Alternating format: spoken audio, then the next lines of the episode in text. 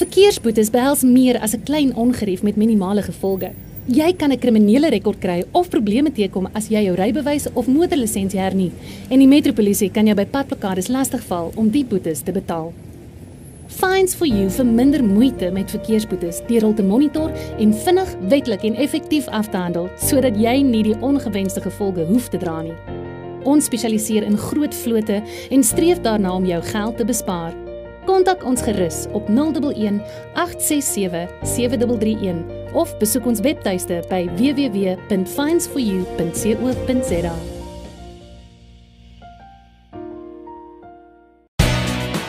Jy luister na Isak Du Plessis op Nieuwspot.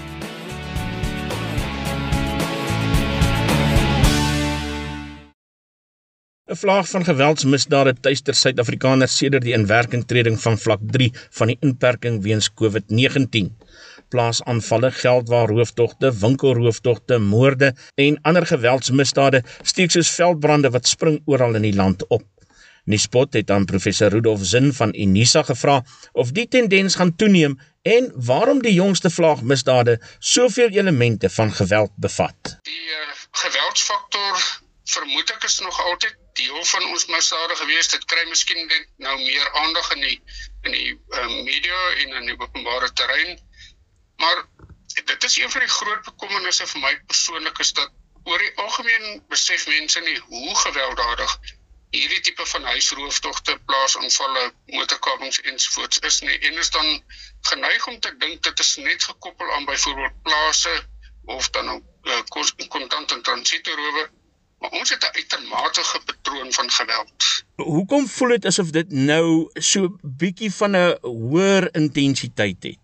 Ek dink die vrees wat die meeste mense het is dat ons hierdie groot weghardloop getal misdade gaan sien en ek dink daar's baie klem daarop geplaas dat ons 'n relatiewe misdaadvrye tydperk gehad het tydens die hoogste vlak van inperking En nou dat dit terugkeer, is dit juis miskien weer nuwe nuus, um, meer belangrik vir mense om van ag te neem.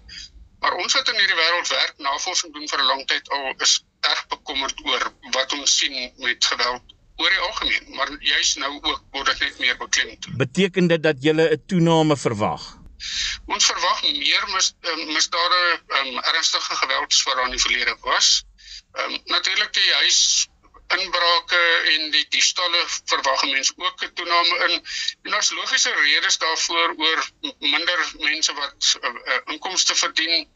Die die verhoogde spanning of die die gaping tussen die mense wat het en nie het nie dit is 'n duidelike teorie in baie lande al nagevors as 'n oorsaak tot misdaad. Maar die ernstige geweldsmisdade omdat dit gewoonlik die misdaad is wat vir die misdadiger groter groot byt gee op een slag groter aan uh, bedrag wat hulle kan roof as wat hulle sou kan met huisbraak gekom en ons vermoed omdat daar soveel meer mense is wat werkloos gaan wees dat hierdie misdaad hierdie kategorie misdaad baie gaan toeneem. Daar is een teenstelling egter uh, Rudolf as mense in ag neem dat daar nie in al die gevalle groot bedrag geld of waardevolle goed gebyt word nie. Soms selfs iets soos 'n selfoon het die brutale dood van 'n 'n boer beteken. Ja, dis een van die moeilike goed in Suid-Afrika om te verklaar, is die die verhouding tussen die geweld en dit wat gesteel word. Ons sien in die die sogenaamde straatroofdogte dit dikwels waar iemand selfoon slegs gesteel word, maar dat die persoon selfs geskiet word of dan 'n paar um, keer met 'n mes gesteek word en daar sien jy hierdie wanproporsie tussen wat nodig is om die misdaad te kan uitvoer en wat gevat word. Ek dink ons het 'n groot faktor met 'n disrespek vir lewe. Ek sien dit baie met die onderhoude wat ek voer in die gevangenis dat van hierdie mense vir my dan in die gevangenis sê hulle het eers daar besef na 'n tyd van aanhouding wat het hy eintlik in sy medemens gedoen? Wat die vraag laat ontstaan, hoe het hy jou dan gesien as slagoffer? So dit is waar ons sien dit ook en dan moet 'n mens ook onderskei Isak tussen misdade wat uitgevoer word sonder dat daar ooglopende motief is om te roof en die misdade waar hulle vlug omdat hulle gesteer word, alarm wat afgaan ensvoorts, dan gaan jy ook nie noodwendig die diefstal faktor of die rooffaktor sien.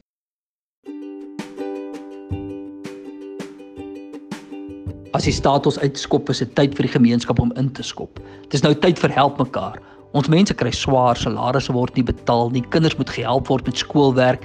Mense wat nog nooit kosnood gehad het, nie moet nou vra. Die solidariteit beweging krisisfonds is uit die gemeenskap vir die gemeenskap gestig. Meer as 15 miljoen rand is al ingesamel. In die krisis sien ons genade in die wonderlike harte van mense, maar die nood word groter. Gewone mense wat bietjies gee om ander te help. Die solidariteit beweging krisisfonds help mense in nood oor 'n krisisberig na 'n nuwe normaal. Al wat nodig is, is mekaar. Gee saam met duisende ander jou deel by www.krisisfonds.co.za. Kom ons bil die gemeenskap se spiere. As die regering nie wil help nie, help ons mekaar. www.krisisfonds.co.za.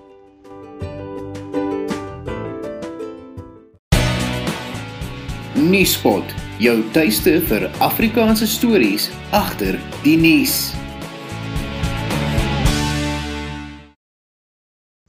'n Ander faktor wat ook deesdae na vore kom is ehm um, mense wat aangehou word. Ehm um, ek sien byvoorbeeld in Sofia Town was daar 'n rooftog gewees en dit was 'n lang uitgerekte ding gewees. Die voorval by die kerk in Suurbekom uh, en ander uh, voorvalle waar mense aangehou word en waar dit 'n lang uitgerekte amper skietgeveg met die polisie word, uh, het jy dalk 'n verklaring daarvoor?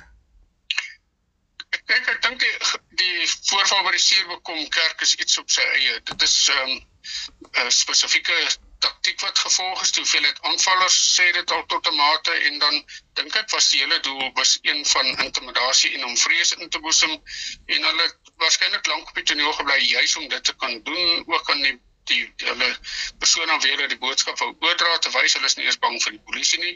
So ek dink dit kan mense in daai geval miskien afsonderlik hanteer. Wat my wel bekommer is dat 'n mens met huisrooftogte en met meer nog in die plase sien die lang aanhouding en die marteling. En ek is besig om onderhoude te voer in die gevangenis met die veroordeelde ehm um, huisrowers maar ook die plaasaanvallers vir die afgelope 2 jaar tyd van tyd tot tyd sien um, kan ongelukkig nie nou met die Grendel staat nie. Maar daar het uiteindelik uitgekom dat mense word aangehou met 'n rede en dit is om hulle te dwing om al die moontlike waardevolle goed in die huis uit te wys. En dit uit ondervinding geleer dat boere en huisinwoners in die dorp en stede nie noodwendig al hulle waardevolle goed op een plek soos in 'n kluisbere nie. En nou hulle mense aan en martel hulle om seker te maak hulle kry alles Maar ander baie kommerwekkende element wat ek nou gesien het in die onderhoude is dat hulle van hierdie mense aanhou en martel en dan een van die slagoffers vat na 'n bank toe om geld te gaan trek en dan na 12 in die nag weer met die persoon te gaan vir 'n tweede keer om dan weer die volgende dag se daglimiet te gaan trek. En hierdie raak 'n tendens wat baie kommerwekkend is die plase veral omdat hulle voel hulle het baie beter beheer oor die plaashuis kan sien as hulp aangery kom en is makliker om langer daar te bly in die dorp want in die dorp weet hulle nie wanneer kom iemand onverwags daar aan nie. Rudolf, is daar 'n verhoogde aanslag teen plase? Ek dink die die ehm um, plase is deel van die die verhoogde aanslag. Ek dink nie dis die enigste nie.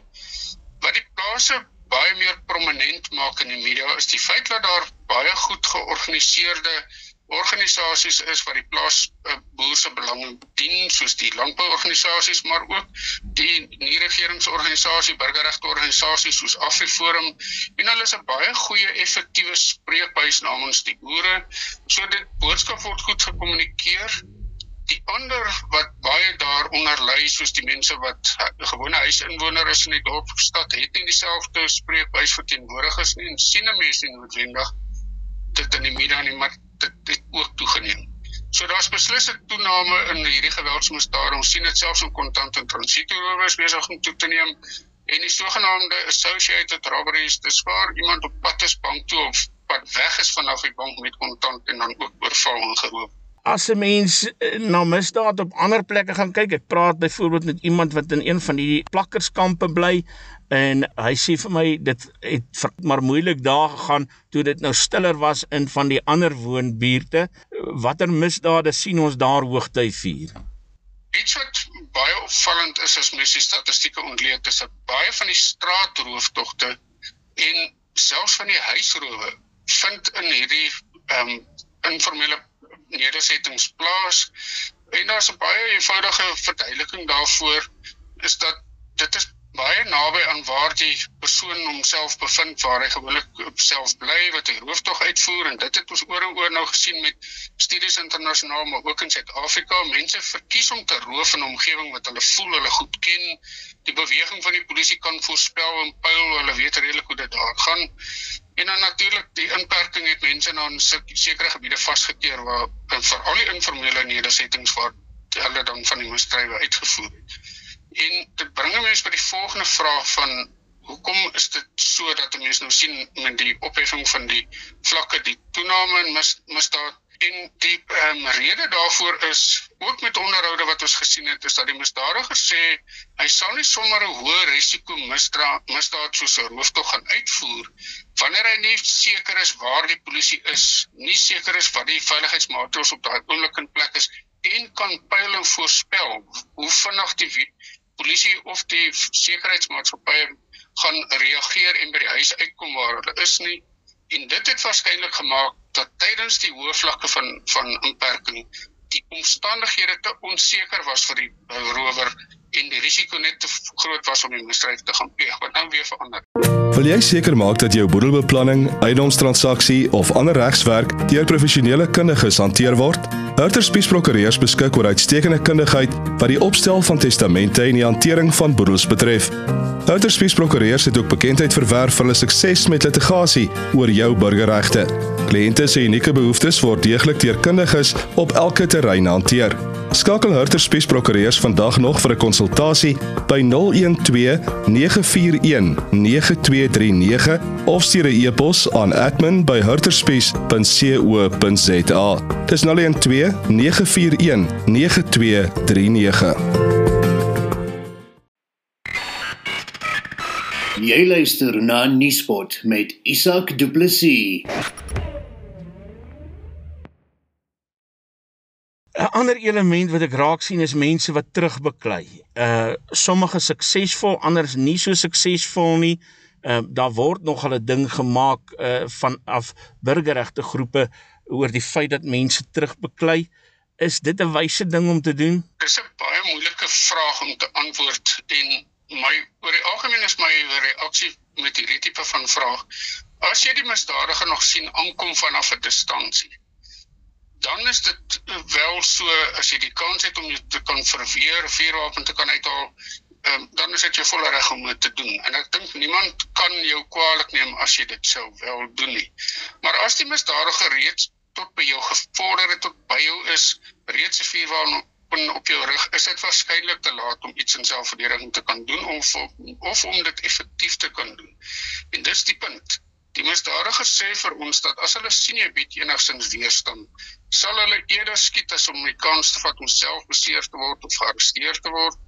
En hulle beplan die die huisrowe, die plaasaanvalle ensovoorts so deur eers voor die tyd deur die vensters te kyk wie's binne in die huis vooraf hulle intelligensie in te samel, hoeveel mense is in die huis. En dan gaan elke rower binne in die huis vir elke persoon in die afsonderlike kamer, so almal word eintlik op dieselfde tyd oorweldig.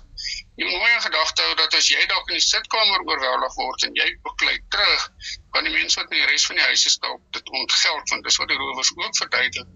Oomblik wat hulle hoor daar's 'n gestoei in een vertrek, dan gaan hulle waarskynlik persoon wat hulle teenwoordig is, het sy skiet, het sy vasbind en dan die ander rower gaan help. Dis 'n baie moeilike situasie.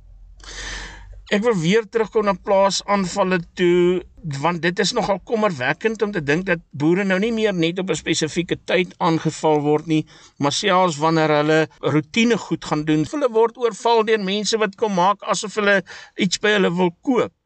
Wat moet 'n mens doen om jou veiligheid te verseker ten alle tye uh, op 'n plaas? Punt nommer 1 is moenie in kontant handel dryf nie die ehm um, die tendens is baie duidelik. Is nie net my navorsing wat ek doen met die onderhoude nie, maar ek weet van die landbouorganisasies in die Vrystaat en KwaZulu-Natal het die soortgelyke navorsingsstudies gedoen. Die oomblik wat jy in kontant handel dryf op die plaas, as jy teiken, ons vind dit selfs mense wat besighede besit in die dorp, maar buite op 'n plot of 'n plaas bly en die kontant saam met hulle na ure neem, sodra daai inligting uitlek, is jy versekerde tyd. So dis een van die grootste faktore. Die ander faktor is dat mense verkeerlik dink dat die rowers kom net in die nag wanneer daar niemand is nie. Op plase is dit baie keer wel die geval omdat er, die rowers bewus is daarvan dat baie plaaswerkers deur die dag hulle dalk sou kom sien as hulle uh, die die rooftog uitvoer, maar in die dorpe en die stede sien ons met die huisrooftogte, die meeste van hulle vind plaas in die dag. Ehm um, en hulle vind plaas hier vanaf laatmiddag 4uur tot omtrent 10uur in die aand op die meeste juis wanneer die mense nog wakker is, rondbeweeg in die huis, nie die alarm aangesit het nie. So paraatheid is 'n baie belangrike saak, maar dan moet jy iemand wat jou wat jou nader by huisrooftog of plaas kan optel met 'n alarmstelsel voordat hulle by jou huis is, dat jy tyd het om die regte um, sekerheid te kan doen of 'n wapen te kan opneem. Daar word baie gemaak partykeer is daar 'n rooftog of iets plaasgevind en dan sê iemand dit is 'n die sogenaamde inside job. Is daar 'n inside job faktor?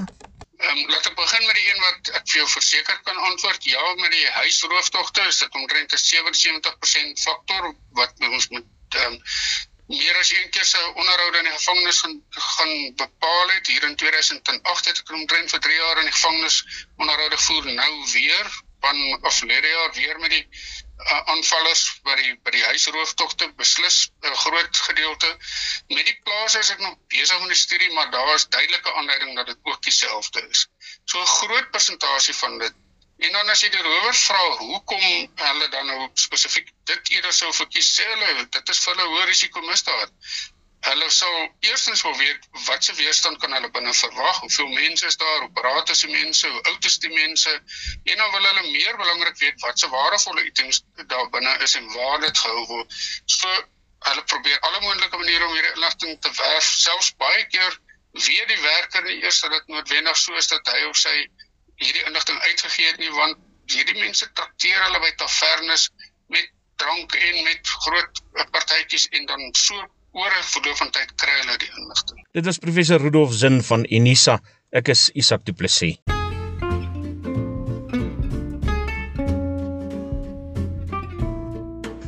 Andre De Plooy is 'n spesialis in finansiële oplossings.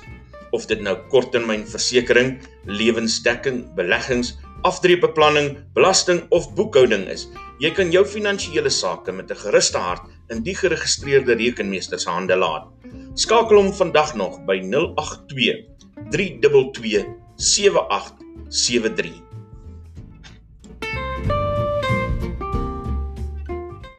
Adverteer nou op Nuuspot. Besoek nuuspot.co.za vir bekostigbare advertensietariewe.